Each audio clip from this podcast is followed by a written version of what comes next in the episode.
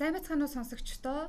Подкастын ээлжид дугаар та бүхэнд хүрч байна. Тэгэхээр энэ дугаартаа бид эрэгтэйчүүдийн эрүүл мэндтэй холбоотой асуудлыг заанцгойлон бас та бүхэнд хүргэж ярихаар бэлтгээд байгаа юм. За тэгэхээр энэ дугаарын маань зочноор 20к клубын үүсгэн байгуулагч Инх болт за мөн эмч Наранбатнар за подкастын маань зочноор урагдаад байна. Тэгэхээр та хоёртаас энэ өдрийн мэндийг хүргэе. Баярлалаа өрөө мэнд. За их баярлалаа. Хурц оролцуулж аваад талхаж байна. За 11-р сар бол ер нь онцлогтой сартай ялангуяа за дэлхийд дахна бас өөр бусад улс орнуудад за эрэгтэйчүүдийн одоо эрүүл мэндтэй холбоотой энэ асуудлыг анхаарч үзье гэсэн одоо айныг нэг өсөндө баг зохион байгуулж байгаа гэж хэлж болно тийм November гэд нэрлэлчихсэн. Тэгэхээр энэ аяны талаар бас хэлээд мэдээлэл өгвөл. За энэ аян бол анх Австралиас үүссэн юм аян байгаа. Эрчүүд эрүүл мэндэд анхаарья гэд. Энэ бол зөвхөн одоо нийт эрчүүдийг уриалаад ингээд зогсохгүй бас нөгөө өвчтэй одоо жишээл эрчүүдийн дунд бас өөрсдөө бас өвчин байна. Жишээлбэл одоо төрөв булчирхай гэдэг одоо бас асуудлууд их байдаг. Тэгэхээр тийм өвчтэй хүмүүстэй бас ингээд сайн санааны хандив цуглуулж туслах зорилготой эрчүүдийн эрүүл мэндэд анхаарч гэж сануулдаг. No Shiv November буюу ийм нөгөө захлаа хосдгоо 11 сар гэдэг ийм нэртэй аян байна.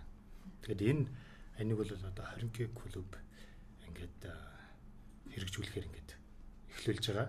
11 сарын 11-ээс эхлээд 12 сарын 12 хүртэл 1 сарын хугацаанд явна. Хэд хэдэн зорилгыг бид нар тавьсан байгаа. За юу гэхээр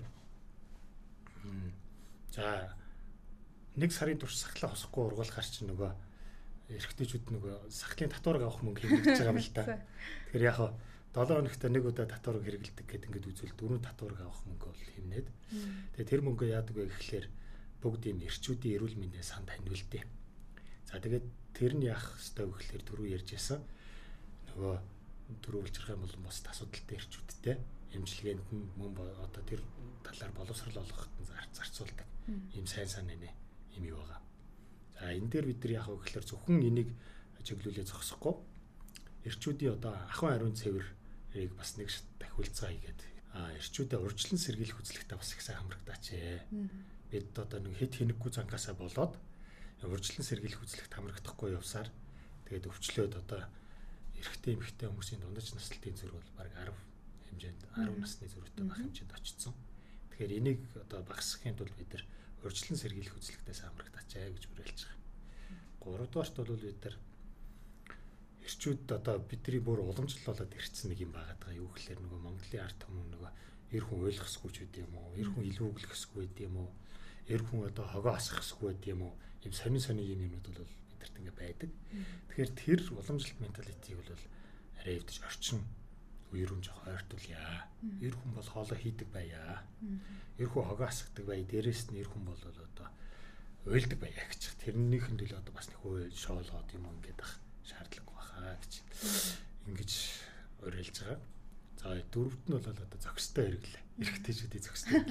Тэр бол бас их чухал сэдвүүдийн нэг яагаад тэгэхээр нөгөө бид нар чинь одоо арх согтууруулах ундаг хэтрүүлэн хэрэглэснээс болж аварсал янз бүрийн одоо навчин сурлан гэмтэлт их орж байна. Тэгэхээр энэний зохистой хэрэглэх ус ярьж дугарах цаг болсон юм байна гэд. Ийм дөрвөн гол мессежийг бид нэг сарын хугацаанд юу хүргэе гэсэн тийм зорилго тавьсан. Тэгээ No Shave November айныг эхлүүлж байгаа эр хүн гэдэг айныг. Аа одоо гендергээ сүүлийн үед ойлголт яриад байгаа шүү дээ. Гэтэл тэр ойлголт маань а эрэгтэй хүн эмэгтэй хүн хоёр за хүүс ер нь бол одоо ингээд хүүс харгалзахгүйгээр л хүн болгон тэг тэгш эрэгтэй гэдэг утга яваад байгаа тий. А гэтэл өнөөдөр бид нар яагаад энд заавал эрэгтэйчүүдийн эрүүл мэнд за сэтгцийн эрүүл мэнд гэл эрэгтэй хүмүүс рүү чиглэсэн энэ асуудлыг донцолж яриад байна вэ гэдэг дээр та хоёр маань юу гэж бодож байна? Наранбат эмчийн хувьд бас энэ дээр юу гэж бодож байна? Би одоо энэ 20 кагийн санаачилсан энэ үйл ажиллагаанд үнэхээр идэвхтэй оролцоод энэ челленжд оролцоод бас ингээд сахлаа оруулаад 5 6 хонжийн. Тэгвэл бас их сони юм байна. Маш олон хүн гайхсан байдалтай асуу юу болов яав те. Манай эхнэр хүртэл одоо наач юм уу байна. Ингээд байдал үүсэхгүй гэх те. Тэнгүүж яг ингээд би сэтгэлээрээ чинь ингээд бас би сахалт ингэж сахлаа тавьж үзэг болохоор сонин содон бод юм байл та. Нөгөө талаар болохоор би ингээд гайхсан хүн болгонд ийм юм ингээд таниулаад яриад явах тэгэхээр өө тийм үү сони тий гэд яриад тангууд би бас энэ одоо Монголд бол бэрхшээлтэй асуудал их л байна л да тийм одоо ингээл замын төвчрэл хотчлт одоо улс орны хөгжил эдийн засаг гэл тийм тэнгууд одоо нэг ярих юм бол ядсан юм шиг дахиад нэг ирчүүдийн талаар ингээл коншигнал бэрхшээлтэй байна болохгүй байна гэж ярих уугүй юу гэд. Аа ингээд хувь нөхөн бодоод хат бол үнэхээр дуурах цаг нь болсон байна. Биднес гендерийн асуудал их ярьдаг ч гэсэн тийм ягаад ирчүүд маань амиа оролт нь өндөр байна архитект нь өндөр байна тий тамиг таталт нь өндөр байна.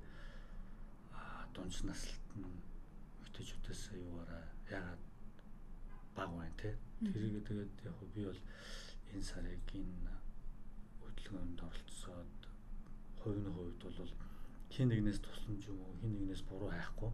Ирчүүд мань өөрсдөө одоо шийдвэр гаргая өөрсдөө одоо өөрчлөлт хийя те. Засаглаа уулзгая тэр хугацаанд одоо тэр өөрсдөөсөө шалтгааллах бүхнийг өөрсдөө хийх хэрэгтэй те. Тэгээд энэ бол надаа бас энэ өрдөлгөөнд оролцох нэг гоё сэтгэл хөдлөл өссөн юм болохоор ингээд эр хүн бол эр хүнд бол хайр байдаг гэж тэр бас те хүн болгол сайхан амьдрий хайр сэтгэл хүндэл байдаг те. Тэгт ягаад эрчүүд маань тийм байхгүй юм шиг болчихов те. Хүмүүс өөрсдөөсөө тэр буруугаа хагаад өөрсдөө юм а хийвэл болдгоо юм уу те. Аа хин нэгэнд одоо фитнес туслаач нэрчүүдийн асуудлыг яриач одоо ингэж тэгэж ихээсээ илүү. Нэрчүүд мань өөрсдөө тэр итгэн эмгийн сард эхлүүлээ л та те эрүүл мэндийн үзлэгт оруулъя. Тэр бэлэг хэрэгтнээ ариун цэврийг сахихад оролцсон яагаад болохгүй? Би бол эмчийн хувьд бол тэр талаас нь бол маш их дэмжиж байгаа эрчүүд.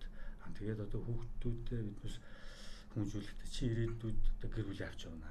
Тийм учраас бол маш хариуцлагатай байх хэрэгтэй. Эртэн бодлогоос илүү чанд эрүүл мэнд зөв хандлага чухал шүү гэдгийг хэлж ярья тий. Тэрийг одоо нэг өдөр мэдээж өөрчлөгдөх байх. А гэхдээ Монгол улс орчин тогтнож байгаа тохиолдолд олон л 11 сар тохиолдох байх. Энэ одоо зөв эхлээд те энэ хөдөлгөөн өрнөөд ингээд яваасаа гэж бодож байгаа. Тэгээд ер нь яг гоо Янгагийн үед бол бас хүндх болцсон сэдв гэж бодож байна тийм. Аа. Тэглэх. Ер нь одоо жишээлбэл гендер гээд эсвэл одоо хүчрхийлгээд ч юм уу аливаа асуудал ярихаар за хоёр хүүсийн жишээлбэл тэгш боловсрал эзэмшиж байгаа байдал нь өөр болоод ирэхээр хүчрхийлэл үлдэгдэх нь одоо эрэгтэй хүн хүчрхийлэгч байх нь арай илүү байдаг ч юм уу Тэгээд илүү одоо архим донтох эмгэгт өртөх нь илүү байдаг ч юм уу гэдэг асуудлууд тэнцвэр нь ингээ алдагдаад ирэхээр аль нэг тал руугаа хилбидэг юм байл л. Яг тэр чиглэлээр сурвалжлага бэлтээ явж хат. Тэгэхээр одоо жишээлх юм бол хавдраар насорж байгаа хүмүүс ч гэсэндээ эрэгтэйчүүд бас зохилж байна. Төрөний хэлтгэр амин оролт дээр бас эрэгтэйчүүд зохилж байна. Тэгэхээр урьдчилан сэргийлэх үзлэгт хамрагдахгүй энэ хавдарчин бол дийлэнх нь л хожуу одоо оншлуулснаас болж байгаа шүү дээ. Тэгээ яг эд хөдөлмөрийн насан дээрээ гэр бүлийнхнийгаа одоо ингээ орхиод нас орчдөг ийм жишээнүүд байгаа. А сэтгэл зүйн эрүүл мэндийн хувьд бол баг тэр тал руугаа анхаардагчгүй ойлголтгүй эрэгтэйчүүд бол бас байгаа шүү дээ. Эмэгтэйчүүд бол харьцангуй одоо сэтгэл зүйчд очдөг ч юм уу нэг иймэрхүү зүйлийн ойлголт бол сүүлийн үед бас харьцангуй гайг болоод байна уу гэж хараад байгаа юм. Тэгэхээр эрэгтэйчүүдийн хувьд а яг одоо амьтанд тулсан тэ эрүүл мэндийн асуудал за сэтгэл зүйн талаар мэдлэг ч юм уу ийм юм тутмаг байгаад байгаа нь ер нь бас суурь шалтгаан нь юутай холбоотой гэж болох вэ? Би одоо энэ тэр эрүүл мэндийн байгууллагт хандж байгаа хүсээ харьцаа гэдээ харахад 0-оос 19 наснд бол ер нь ижлэх юм байна. Тэгэхээр одоо тэр эцэг эхчүүд хүүхдүүдэд бол ижлэх анхаарч ил гэсэн үг. Одоо 19 нас хүртэл нь бол эцэг эхчүүд шийдвэр гаргаж байгаа шүү дээ. Эрүүл мэндийн үзлэгт оруулах уу, үгүй юу яах уу гэдэг.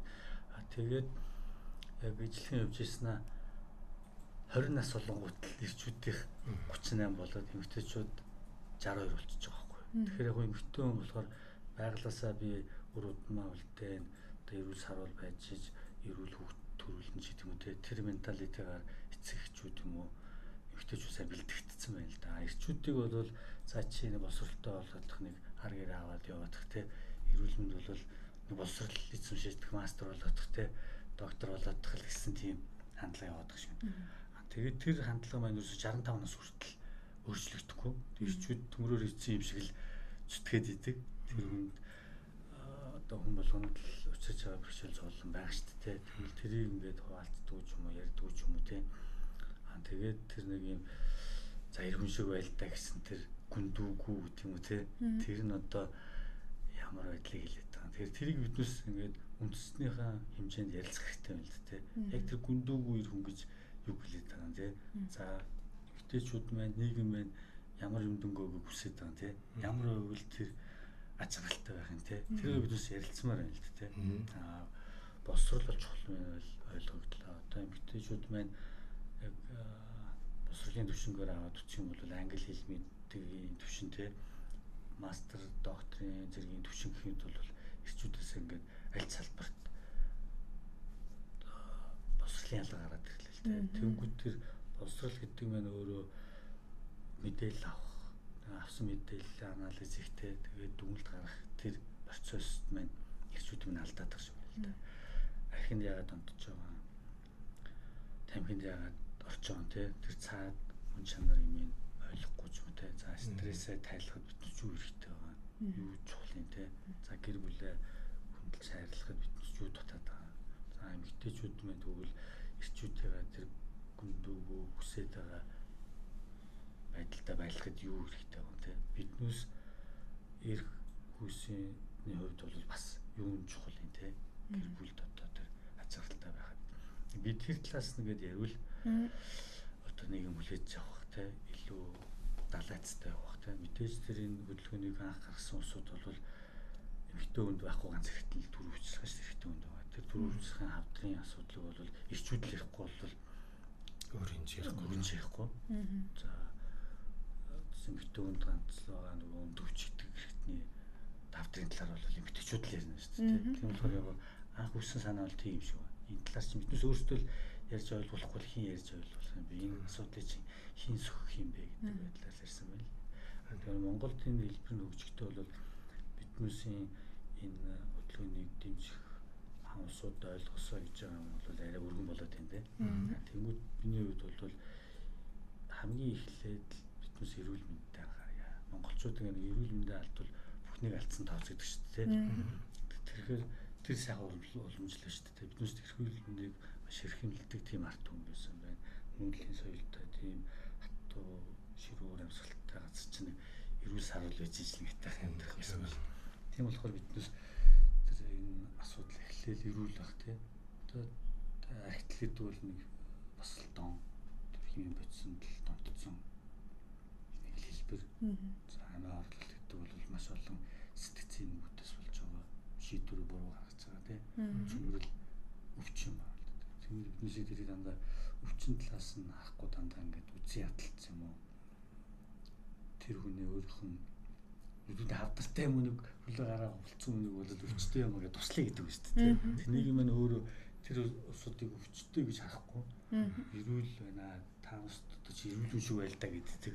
Тэр чинь аль хэдийн эмэг болцсон. Тэр чинь тийм. Нэг бол анхын хөдөлгөөнийг өрнүүлэх гэдэг статистикийн төв газраас маш олон тоон байсан байлаа л да. Тэр талаараа тэн дээр бол юу яаж байгаа? Би ч одоо яг энэ хөдөлгөөнийг өрнүүлэхийн тулд судалгаа хийгээд өөр судлаач халаад. Тэгээ тоо вариантыг тэрийг чийжлээд ингээд юу. Тэгээ юу хахад ер нь бол нэгээр бол Монгол төрчүүдийн зүрх судасны өвчин нэгээр гарч ирчүүдийн дунд. Тийм. За тэгээд хоёрт бол нөгөө хавдар. Гэж гуравт бол одоо нөгөө гинти осол буюу одоо ирчүүч бас нэг юу байдаг шүү дээ осол гинтл юу ингээд одоо авцамын осол ч юм уу эсвэл арх сотруулах хүнтэй хэрглэж чад гэж юу юм уу. Нэг иймэрхүү өвчнүүд бол яг ихний юунуудад бол ингээд жагсаж байгаа. За дөрөв бас нэг илжээс юу гэхээр нөгөө нас уралтын харьцуулсан дүнг гэдэг ингээд харж байсан. Тэгэхэд бол за амиа хорлсон хүмүүс юм бол одоо 10 хүнд тийм 9 нэрхтэй байгаа байхгүй 8-аас 9 нэрхтэй Тэгэхээр энэ бол юу харуулад байна вэ гэхээр энэ сэдвийг бол ярих цаг нь болчихжээ гэдгийг харуулж байгаа. Яг чимээгүй бол үчин чинь айгүй эмгэнэлтэй статистик харагдаад байгаа байхгүй. 35 хүртэлх насны залуус голдоо 8 оролцож байгаа. За тэгээ 35-аас дээш одоо 55 хүртэлх насны эрэгтэйчүүд бол арх өсөлт оруулах хунданд хэд ингээд онтоод тэгээ тэрнээс хамаарч нас баралт нэгсэж байгаа. Ийм гараад тэгээд 55-аас дээш насны хүмүүс бол голдуу юм хавдраар одоо юу яаж зүрхсэтний өвчин бол хавдраар ингэж болж байгаа. Тэгэхээр яг энэ чинээс зүгээр ингээд локер ингээд эрүүл дүгнэлт ингээд хийх гээд оролтвол магадгүй тэр эрэгтэйчүүд маань аа одоо сэтгэлээ илэрхийлж чадахгүй юм уу? Ийм сэтгцийн эмгэг болтлоо ингээд дотгошоо ингээд юуг илэрхийлж гаргаж чадахгүй байгаагаас болоод магадгүй зарим нэг ингээд амиа орлох хэмжээнд юм уу? Эсвэл тэр арх секторлох хүнд хэтрүүлэн хэрэглэх хэмжээнд юм уу? Ийм хэмжээнд очиод байгаа юм шиг зүгээр надад зүгээр магадгүй гэж би зүгээр тэгж бодож байгаа. Тийм учраас бид тэр тэр уламжлалт болсон одоо тэр эр хүн ойлжулдгоо ингээ илүү өгүүлж болдгоо гэдэг юм. Ерөөсөө тэр хайрцагнаас гарцгаая гэж би уриалж байгаа байхгүй. Тэгэхээр ер нь эр хүн бол гэж яадаг. Бас нөгөө талаас ингээ харангууд монголчуудын бас нэг дээр юм бас нэг үг байдаг. Тэр нүглэр эр хүний нөлөөс үзүү чаддаг ч хэлэхтэй. Тэр чи бас айгу төвхтэй нөгөө эрэхтэй тэгэлээ. Тэг үгүй чи нөгөө нь бас нэг жарахгүй ч шиг те айгу сэтгэлдэн сэвтэй ч шиг те. Тэгэхээр яг энийг болоод ерөөсөө шууд ерөөсөө аль аль тал нь ингээд хайчаа. Энэ бол тийм сүрхий зүйл биш ээ. Зүгээр хүн л юм чинь мод чулуу биш. Сэтгэлээ илэрхийлж байгаа эсвэл нээж байгаа хэлбэр юм байна гэж цөмөр ойлгочих. Бас хогоо асханкууд нэг химбэр нуунчдаг тийм эр хүн гэж юу байхгүй. Тэрэн дээр бол санаа зовох байхгүй. Чон олонгууд химбэр сэргчиж гэж байхгүй. Тэгэхээр яг энэ уламжлалт болцсон магадгүй бид нэг өөрчлөх цаг нь олцсон ийм сэдвүүдийг бид нар бас ингэж гаргаж ирж ярьж ярьснаар одоо нэг жишээлбэл эрэгтэйчүүд ядчил нөгөө энэ сэтгэл зүйн бохимдлаа лам эсвэл өөр хинт ч хэлэхгүй ингэж явж байгаад ингэж хэцүү байдалд орох биш сэтгэл зүйчид шууд хандах хэрэгтэй байна. Эсвэл чөлөөтэй нээж ярьдаг байх хэрэгтэй байна. Одоо их нэртэй юм уу те. Ингээд чөлөөтэй нээж ярьдаг хэрэгтэй. Ийм одоо нэг агшин төвшнлөө гарцгаая гэж уриалаад байгаа юм ер нь. Тийм. Сэтгэл зүйчтэй холбоотой би нэг айгүй сони юм сонссон. Сайхан нэг ярилцлага сонсч байсан байхгүй. Тэгсэн чинь тэр сэтгэл зүйч болохоор а над дээр голдуу за нөхрийнхөө асуудлыг ярьсан эмэгтэйчүүд ирдэг. Тэгээд А нөхрүүд нь болохоор одоо жишээлбэл нэг ерөөхдөө нэг юм хандлагатай гэж аахгүй. За амьдрал ахуйгаа босгочихъя, байртай болчихъя, машинтай болчихъя. За ингээд ерөөхдөө баг ингээд болчлоо. Цаашдаа нэх удаан наслаад юу яах юм бэ? Ир мэр наслаад яах юм ашиг хүү адан төөг удаж явах гэж гэсний ерөөхийн нэг тийм хандлагатай байна гинэ. Зүгээр л одоо амжуулах хэвээр амьдралаа гяс хурдан босгочээл тэгэл цаашдаа баг үхэхэд нэг тийм бэлэн сэтгүүтэй байна гинэ. Тэр айгу сонин өнцөг байсан надаа. Энэ дээр хоёр юу гэж бодож байна? Тэгэхээр юм чи одоо биднес нөгөө миний үндсэн мэржил бол сүрээхийн имчилтэй. Тэгээ бас нөгөө сүрээ минь нийгмийн халдвар төвчин тэгээ сүрээр өгч байгаа улсууд бас энэ эрүүл мэндийн асуудал нэлээд тулгуудсан байдаг. Тэгээ тэрэн дээр яг биднес ингээд эмчнэртэйгээ ярьж байгаа одоо сүрээр үтсэн улсууд тэр сэтгэл зүйн асуудууд их байна, архины амрал их байна тий. Тэр сүрэг эмчнэр өөрсдөө тэр зөвлөгөөх, сэтгэл зүйн зөвлөгөөх чадвартай болох хэрэгтэй юм байна одоо үндсэн тэр сүрийн мэржлээс яа тэгэхээр тэр нийгмийн хамгийн энэ зэг гэх юм уу энэ сүрээд өртөмтгий усууд ажиллах уу те архины хамааралтай гэр орон амьдралын усууд л байхгүй. Тэгэхээр тэр усуудад тэр сүрийн өвчтгөө тэмцээд биднес тэр сэтгэл зүйн зөвлөгөөх чадвар их чухал юм байна. Ерөөсөө тийм чадвар эзэмшихгүй бол биднес усуудад ажиллах төвхтэй байна гэх. Тэгээд яг сэтгэл зүйн үндэсний төв одоо ихтэй сургуулиуд байгаа сэтгэл зүйн техникүүдтэй биднээс ярилцаад ер нь яг ингээд манай энэ хүчний байгууллагууд бол тэрийг анхаарад сэтгэл зүйчтэй болоод тэр ажилчид байна өөрөөсөө бас сэтгэл зүйд эрүүл байх хэрэгтэй юм л да. Замын цагтаа одоо цагтаа нар тий. Тэр тэр алхмууд аюу сайн хэрэгжиж эхэлж байгаа. Тэгээ одоо манай эрүүл мэндийн салбарт бол аль ч төрлийн эмч нар тэр сэтгэл зүйн зөвлөгөөх чадварыг одоо эзэмших хэрэгтэй юм байна. Одоо тэгээ яг тэр шашны байгууллагууд бол бас нэг төрлийн сэтгэлзэн зөвлөгөө өгч байгаа хэлбэр нь. Гэтэ тэрийг одоо тэр хүний итгэл үнэмшлийг бол биднес өөрчилж чадахгүй юм чинь хүндэтгэлтэй л хандах хэрэгтэй. Аа тэр сэтгэл зүйн зөвлөгөө өгөх тэр одоо усууд маань харин өөрсдөө бас судлаад те ямар хэлбэрээр тэр сэтгэл зүйн зөвлөгөө өгөх үү гэдгийг бас сайн ойлгох хэрэгтэй байна. Аа тэгээ биднес бол тэр энэ эрүүл мэнд өрцөн сэргийлэх хүчлэх гэдэг байна шүү дээ. Тэрэнд бас тэр сэтгэл зүйн тестүүд үт юм л та. Та ямар хэр стресстэй байна уу? Тэгээд одоо зарим байгууллагууд бол санаачлаад ажилчдын тэр эрүүл мэндийн үзлэгт тэр сэтгэл зүйн тестүүд авч эхэлж байгаа юм. Депресс, тэр сэтгэл утрал төвшин ямар байгаа юм те. Тэрийг дэвшүүлэхийн тулд одоо тухайн байгууллага юу хэрэгтэй? Ажилчдаа одоо стресстүүлж байгаа ямар ч зүйлүүд байна. За ядаж ажил дээр стресс дээрээсээ бууруулах те бүхнээ бууруулах тэр нь сайжирхан болвол сайжирхан аа тэгээд тэр сэтгэл зүйн үндэсний төвийнхэн бол ингээд сэтгэл зүйч нарын ярилцлагаар юм ном хараад тааж байгаа. Тэгэхээр ер нь ингээд сэтгэл зүйч нар гэж ямар усуд байдیں۔ Тэгээд тэр нөгөө хүн сэтгэл зүйчээ сонгоно гэдэг асуудал бол айгүй төвхтэй юм байна л да. Ээжтэй, ааваа, өмнө ирнэ гэдэг шиг танихгүй хүнд одоо зовлонгаа ярих болчиход шүү дээ. Тэгээд тэр хүнээ сонгоно гэдэг нь бол айгүй төвхтэй асуудал юм байна л да. Тэгэхээр тэр сэтгэл зүйчнэр маань өөрсдөө бас юм сурталчилгаа юм хийх хэрэгтэй юм байна л. Наранбаатар гэдэг залуу үед тэр бол маш их фэйсэр авдаг гэр бүлийн сэтгэл зүйч гэдэг. Тэр гэр бүлийн асуудлыг бол би одоо тусна ярина гэдэг. Тэр бол тэр асуудал биднээс бас тэр сэтгэл зүйчдэрт бас нэгтгэх хэрэгтэй юм байна. Тэднээс бас өөрсдөө таньж мэддэг хэрэгтэй юм байна. Тэгээд тэр сэтгэл зүйн асуудлын юм болохоор надад ажиглагдсан юм бол төлбөрийн асуудал юм байна л да. Ихэнх одоо одоо социализм үед бол тэр сэтгэл зүйн туслан зүйлчлэгээ бол байхгүй ус стресс багтаа байлаа л да. Одоо энэ цөм стресс цөм зовлон өөртөө тав тулах оруулж тэнгуү тэр сэтгэл зүйн туслан зүйлчлэгээ зайлшгүй хэрэгтэй болдог. Тэнгүүд баруун тал тэр нэгээд маш үнэтэй. Өмнөд нь одоо тэдэн төгрөг ингээд тэр усуд болохоор үнэхээр л тийм байж ич тэр зүйн асуудлыг шийдэх юм байл да. Тэрнээс бол үнэгүй сэтгэл зүйн зөвлөгөө гэх юм бол бас л хэцүү юм байна. Тэгэхээр хин нэгэн тэр сэтгэл зүйчнийг бэлтгэх хэрэгтэй. Одоо эрүүл мэндийн тогтолцоо, бос хурлын тогтолцоонд тийм. А нөгөө талаар бол тэрэнд мөнгө төлдөг. Тэр бол надад хэрэгтэй гэдгийг ойлгох хэрэгтэй юм л. Тэгжиж тэр үйлчлэгээ минь өгч шүү дээ. Тэмүүл би бол тэрийг бас дэмжиж байгаа. Сэтгэл анагаан дээдийн сэтгэл зүйн анги эмхэл сэтгэл судлал гэдэг юм л юм. Яг сэтгэл зүйчтэй болсон улсуудад ажилладаг тэр салбар нь бол бас л их төвхтэй байгаа юм л. Яа тэгэхээр тэр нь ингээд одоо зах зээлийн хөрөндөө авахгүй шүү дээ. Хин нэгэн тэрийг төлөхгүй шүү дээ мөнгө. Тэгэхээр чин тэр хүн ажилтаа хүн тулд хаана одоо тусламж үйлчлэгээ мэн тэрлүүл эмнэлэг эмэгтэйчүүдийн эмнэлэг юм те. А тэнгууд яг одоо нийгэмд бол тэр сэтгэл судлаач сэтгэл зүйч нарын тусламж. Тэр нь ч одоо харагдаад ийм л те. Тэр лам нар бөө тийм үү талдыг харддаг тийм мэдрэмжтэй улсууд туслаад байгаа нь бол бас л сэтгэл зүйн тусламж үйлчлэгээл ямар нэгэн мэдлэр өгч байгаа. Тэр нь бол биднээс нэ шүмжлэлтэй хандхаас илүү хамтарч яаж Тэгэхээр архины хамаарал энэ ч гэсэн ерөөсөө тэр л. Тэгээ яг би одоо хувийнхөө хувьд бол за ямар ч лсэн сарын хугацаанд тамиг татдаг тэр зуршлаасаа салахын төлөө тэмцэе. Ямар нэгэн экшн хий тээ. Тэрсэн л бас зорилт байж байгаа. Тэгэхээр хин нэгэн одоо нэг юм болохгүй бүтэхгүй юм байна гэх юм бол биднес тийм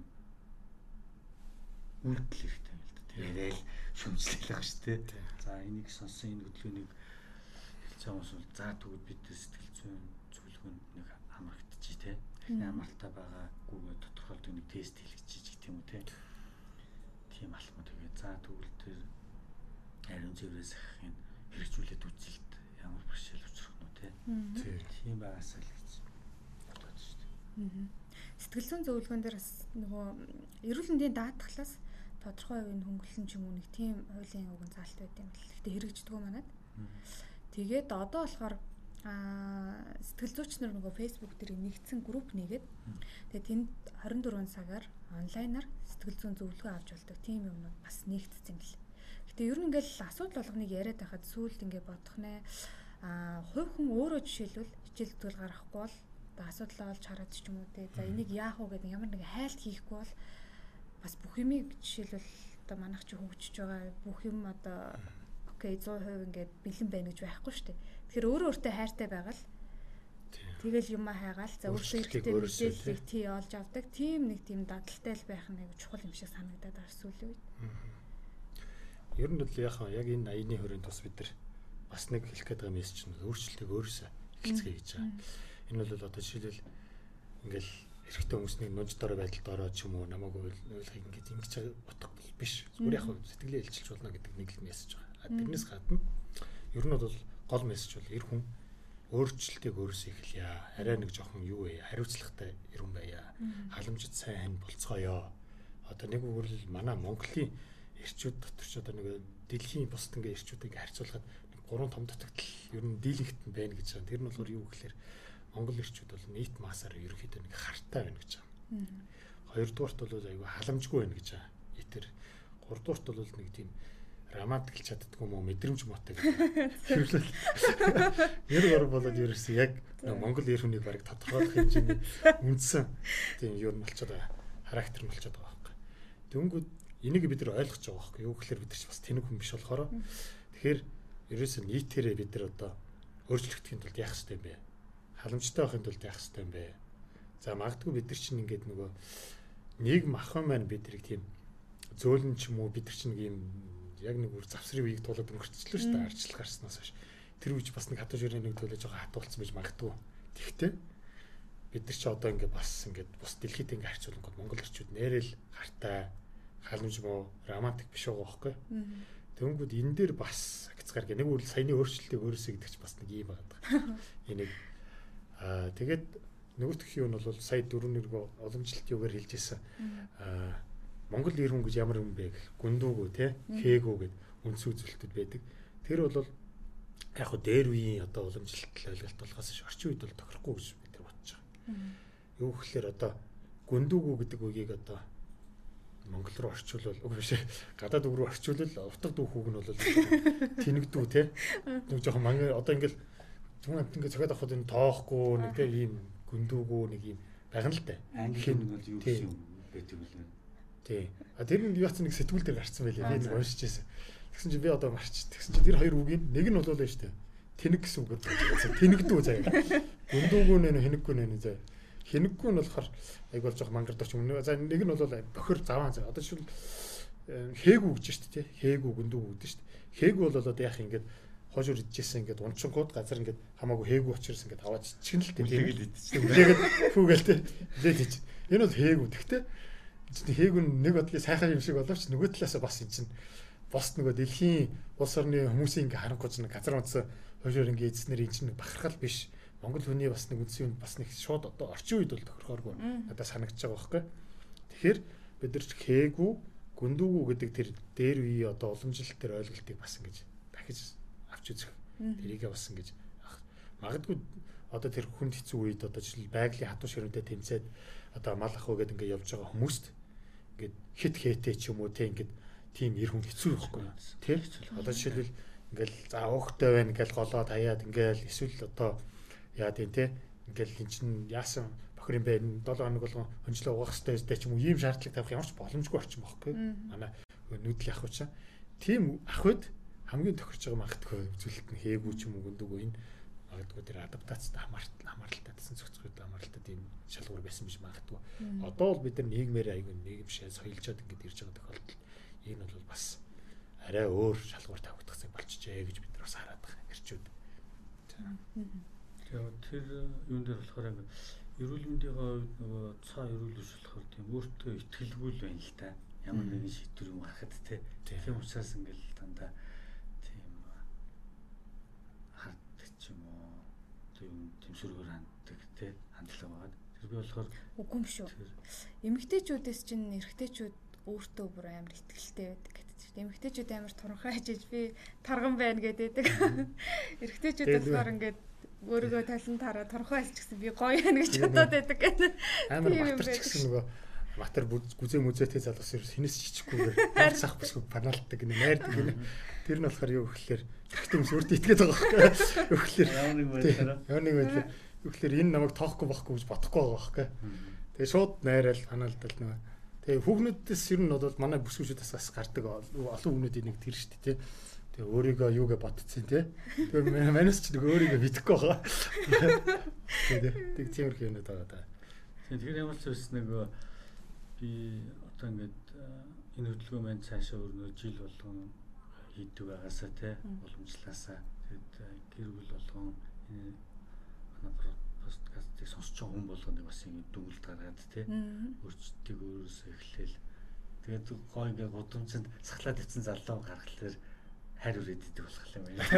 А нэр тэрэн дээр нэг хэлэх гол мессеж бас марцсан байна. Юу гэхээр 11 сарын турш ингээ сахлаа ургуулсан явж байгаа хүмүүсийг одоо дэлхий бол яаж хардаг болсон бэ гэхлээр энэ бол арчаагүй ингээд сахлавсаг явж гин гэж биш. Тэр бол маш сайхан сэтгэлтэй хүн байна гэж хардаг болсон юм байна л да. Юу гэхээр сайн үйл сайнд зориулаад одоо сахлаа хосохгүй тэр мөнгөө сайн үйл сайнд зарцуулсан гэдгийг ингээ харуулад илчлээд ингээ явж байгаа энэ хэлбэр гэдэг юугаараа бас нэг өрөмц соёл болоод 11 сар ингээ тогтож байгаа. Ер нь дэлхийн хэмжээнд. Тэг яг хөө энэ аяныг ингээд Монголдо ингээд бас нэлээд тийм өргөн өрөнд хийх юм эхлүүлж байгаа да бид нар бас их азтай хавтай гэж ингэж бодож байгаа. Өмнө нь бол бас хэд хэд удаа бас хийгдчихсэн. Тэр нь бол яг хөө нэг газар авахгүй нэг тодорхой хүрээнд ингээ хийгдэд ингээд өнгөрч ирсэн юм байна. Тэгэхээр яг хөө миний хувьд ч гэсэн манай энэ байгаа үнэ. Юу гэхээр нөгөө сахлаа би бас нэг сүрхий тэгж ингэ нөгөө сахал ургуулдаг залуус нэг сахал ургуулагч клуб бүлэг байдаг шүү дээ. Тэр мэрэнд бол орохоор хэмжээнд ургуулдаг байхгүй. Жохоо нөгөө ширвээ сахалтай. Тэгээд тим хэмжээнд нэг байдаг байсан. Тэгээ миний сахлыг ч одоо ингэ ургуулад ирэнгүү чи нөгөө эсэргүүцч чинь ихтэй ихтэй эхнэр нь эсэргүүцээд байгаа гэж байгаа шүү дээ. Тэр шиг намагч болохоор нөгөө ээж байна. Одоо ингээд найз майз ингээд эсэргүүцдэг байхгүй чи наа сахлаа усаач яваалаа. Тэгээ эсэргүүцч хичнээн байсан ч гэсэн бид нар одоо ингээд энэ аянд нэгдэхийн тулд энэ аяна аяныхаа гол мессежийг хүргэхийн тулд нэгд өдөр ямар байсан бэ? Ингээд ингээд ингээд 30 хоногийн дараа ямар байсан бэ гэдэг зураг ингээд тавиул бас их хөвгөлтэй сонирхолтой дүр зураг гарч магадгүй гэж бодож байгаа. Хоёрдугаарт энэ аянд сахалгүй залуус яаж нэгдэх юм бэ гэж байгаа байхгүй. За бүх хүн сахалгүй ялангуяа монголчууд ч тийм их сахалтай бас биш. Тэгэхээр юм сахалтай болгоод гоё аппликейшнууд гараад ирсэн байгаа байхгүй. Их гоё өстой янзын янзын гоё гоё хэлбэртэй юм сахлуудыг ингээд тавиад энэ аяндаа нэгдээд тий сахалгууч гэсэн сайхан сэтгэлтэй байдаг юм уу? Сахалгууч гэсэн сайн үлсэн аянд нэгдэцгээч гэдэг юм уу тий тэр ураагаа ингэж гоё хэлээд ингээд нэгдүүл илүү гоё. Үнэнхүү л болох байхгүй. Бүсгүүчүүд бас нэгдэж болно. Тэр яаж нэгдэх вэ гэхэлэр бас л нөгөө аппликейшн ашиглаа гоё сахалтай болоо хурцлээ шүү дээ яагаад тий магадгүй зарим бүсгүүчд эрэгтэй хүн болохыг юм уу? Эсвэл гоё сахалтай ийм явуулахыг хүсдэг мөрөөдөөс юм. Энэ аянаар бас даримдуулал эрчүүдтэй бас ингэж гоё илэрхийл илэрхийлж болно шүү дээ. Яг тэгэхээр эрчүүдийн эрүүл мэндийн санд яг эмхтэй хүн жишээл нэгдэж болохгүй гэж те. Эрчүүдэд хайрлцгаа гэдэг.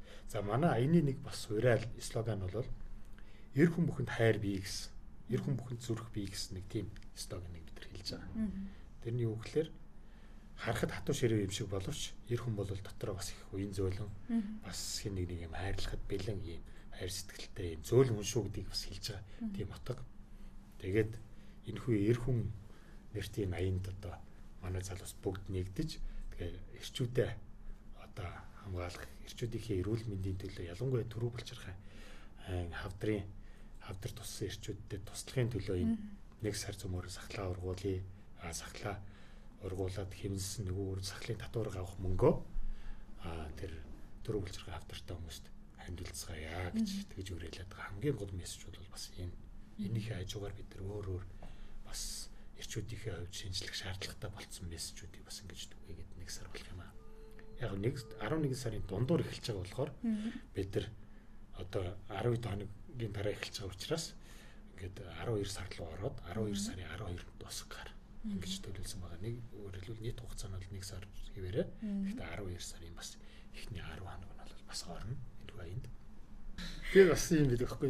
Эмхтэн хүмүүсийн зүгээс бас ингээд сахал ургуулах айгу амархан юм шиг харагдаж бас магадгүй. Маш хэцүү зүйл байдаг байхгүй. Тэгээд зовхон зөхгүй тэгэл зарим газараа сахал урган зарим газараа ургахгүй тий.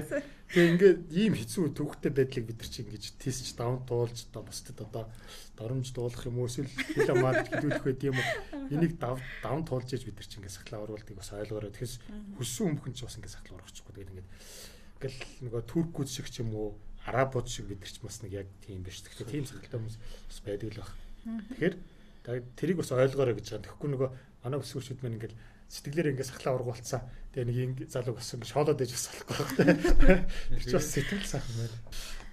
Сүүлийн үед надад нэг юм ажиглагдаад байна. Одоо жишээлбэл эрэгтэй хүн гэдэг тодорхойлолтын дээр одоо дагалдж байгаа нөгөө нэг одоо тодтолууд нь хитрхи одоо сөрөг тийм болох хандлагатай байна гэж хараад байгаа хгүй. Одоо жишээлбэл хүчирхийлэлтэй холбоотой асуудал гэхээр хохирогч нь хэн байна? За 90 гаруй 98% нэмэгтэйчүүд тийм.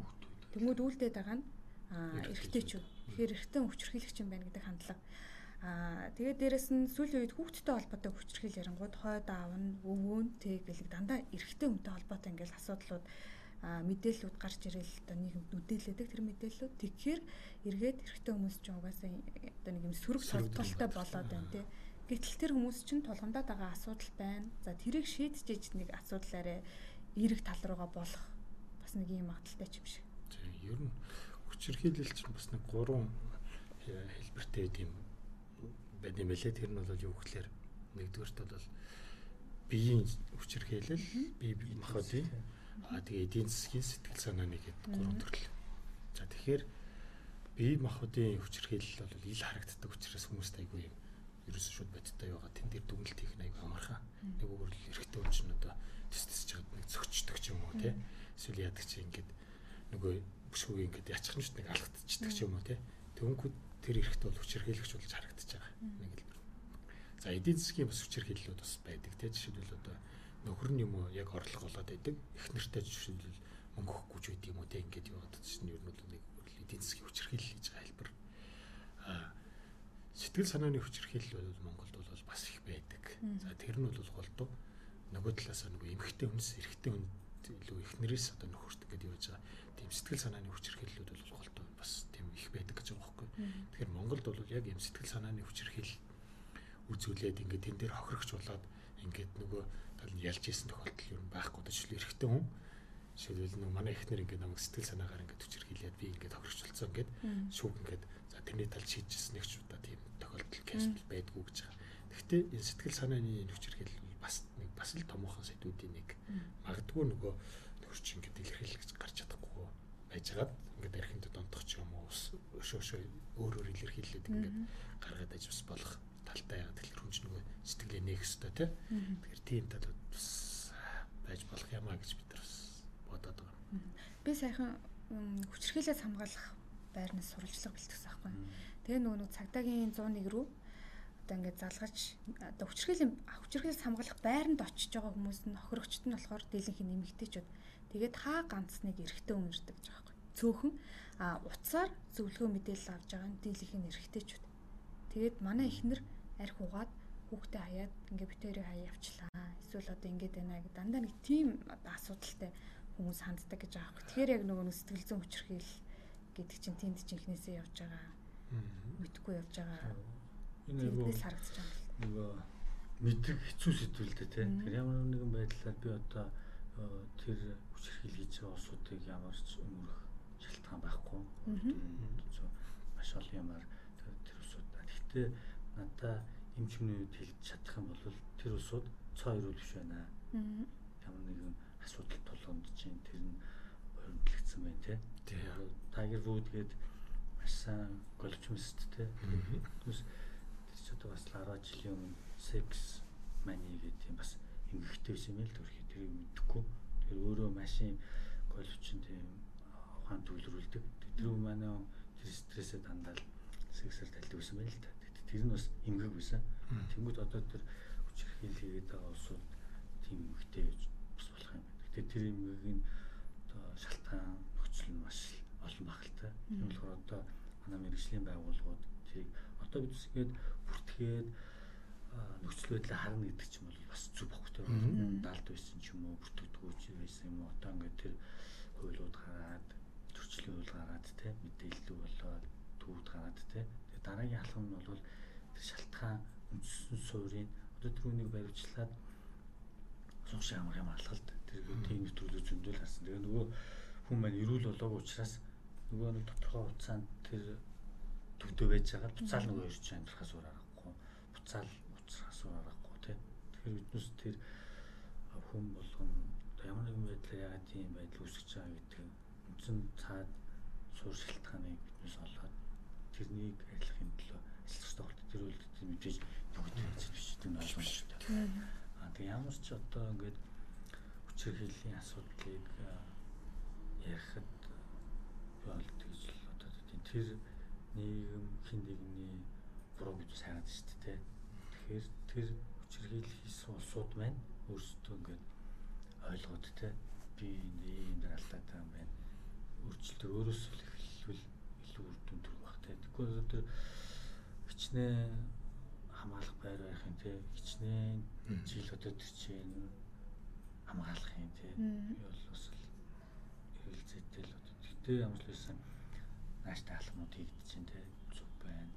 Одоо тэгэхээр тэр нөгөө сэтгэл зүйн тусламж үйлчилгээ маань энэ шаардлагатай байна. Тэрийг одоо өргөжүүлэх чанаржуулах тэ шаардлага зүйсээр тавигдж байна л гэсэн шалтгаан байх л гэж би хараад байна. Гэтэ мэдээж тэр төсөл байдал 30 жил тэр одоо 90 оноос хойш тэ 30 жилийн төвхтэй байдал үүслэн шүү дээ. Эдийн засгийн суртан төлөвлөж байгаагүй.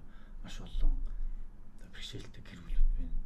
Тулгарлаа. Маш олон гэр бүл одоо тустай амьдралаа шүү дээ амьдрал өгөөд таны хэсэг нь бол одоо амьдрахын тулд бүх эдисээ ажиллалаа шүү дээ тэгэл одоо 90 он 7 8-д байсан залуучууд одоо л гэр бүл авч явах төвшөнд орж шүү дээ тэднээс тэгээд үнэхээр тийм амьдрал хайр байсангүй юу тэгэхээр тэднээс тийм хатуу ширүүн бусдад муугаанд гаргалж юу те хүмүүс хэцүүлдэг. Тийм болохоор л нэлээ эрэгтэй сэдв гэхдээ биднээс эрэгтэй байна гэж ширийн доогороо хийх ёсгүй ярилцгал ёстой хилцэл ёстой. Тэгээд тэр мэдээж одоо шалтгаан үр дагавар нь бол мэдээж аль алинд нь л тусч байгаа. Одоо гэж би хараад байна. Тийм болохоор тэр гендрийн асуудал ингээд ярингууд за 2 жил орхил авлаа гэд тэр гэр бүлийн асуудал юм уу тэр ачаалтаа болчихж байгаа асуудал нэг хэсэгтэл таслах үнсээр нь бол таслахгүй шүү дээ. Тэр ямар ч байсан тэр ойлголт том байх хэвээр эрчүүд маань өөрсдөө дүнэлтээ яагаад өөрчлөлт гаргаж болохгүй байгаа тийм тэр юмгийг өвчтэй асуудлаа тэгвэл ярилцээ шийдээ тийм эмнэлэг танд сурыг аа эрүүл мэндийн тусламж үйлчилгээнд тэр юм оруулъя тийм сэтгэл зүйн тусламж үйлчилгээ үзүүлэхээ оруулъя. Зэн эмгэгтэй уусуудаа яах юм те. Одоо албатай имжлэх түүгэл байдаг тэр маань хэр үр дүнтэй байна хитэн хүн албатай имжлүүлээд дахнаас гарав гэдэг чинь бас төгтөл асуудал биднээс хинч одоо хүндхийг өсөхгүй л байна тэгэхээр ямар ч байсан тэр төсөв мөнгө тавигдаад тэр үйл ажиллагааны явагдал явж байгаа хэл та тэр яг тэр талаар яагаад сайн мэдж байгаагаар бас тэр албатай имжлэх төвд сүрэг өвчлөх байдаг. Тэр чинь сүрийг имжлэхгүй бол бас бусдаа алдвар хараад идэг. Тийм учраас бол бас л төвтэй асуудал. Тэгээд албатай имжлэх нь тэгэхээр тэгээд албатай имжлээд эхнээс гарах боломж нь хэрэг байдیں۔ Тийм. Одоо саяны тэр жишээлбэл хүчирхийлэл гэдээ ярьж байна. Тэрэн дээр хүчирхийллийг бид нар ямар арга замаар одоо шийдэх хэвтэй. Шийдгээд авах хэвтэй юм уу? Эсвэл нөлөөлөх хэвтэй юм уу?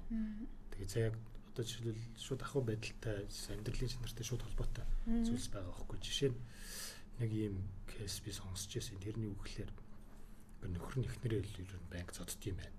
За тэгээд тэр бол нэг гутлаараа ингээд нөгөө бакал юу идрээр ингээд шууд ингээд толгоор ингээд зөгтөө зөхөд зодод идэм байл л да. Тэгээ эхнэр нь бол нэг хэлэхгүй ингээд ер нь нэлээд удаан жил ингээд явцсан. Тэгээд ер нь бол хавь оройхон хүмүүс ингээд хэлээд мэдэгдээ цагтаа дуудаад ингээд яасан гэж байгаа. Тэгэхээр тэр бол хөдөөнөөс орж ирээд амьдарч байгаа хоёр хос байна гэж гурван хүүхэдтэй. Тэгээ эхнэр нь жирэмс дээрс гурван хүүхэдтэй. Аа ингээд нөхөр нь бол нэг байгуулагч жолооч хийд юм байна л да. За нөхрийг нь 21 хоног одоо харчлаа гэж бодъё л та тий. Одоо ингээд шийдэгч шүү дээ. Тэр чи яагаад ингээд юу яаж ингээд залхаан зэрлүүлэх. Тэгэхээр тэр хүүхдүүдийг хиндэж яах вэ те. За ингээд нөгөө бүсгүй тэрнээс ингээд салаад явлаа гэх чинь хаашаа очих вэ? Зах тэр чинь нөгөө хамаатай садангүй зүгээр энэ хот бараадад өрөөдөрч бүсгүй гэж тийм ийм тохиолдол гэхлээр чинь бид нар яг ийм хатуу шитгэл нь яг онж ийн онохгүй байх уу эсвэл яг яах ёстой гэдэг яг амьдрал дээр буугаад ирэхээр яг тэр хууль дүрмийн юм уу тийм зохицуулалтууд ч бас шууд ингээд наалдаж өгөхгүй нэг ийм сонин юм байдалд оруулаад магадгүй нөгөө нөхөр нэг байхгүй бол тэр чинь тэжээгчгүй.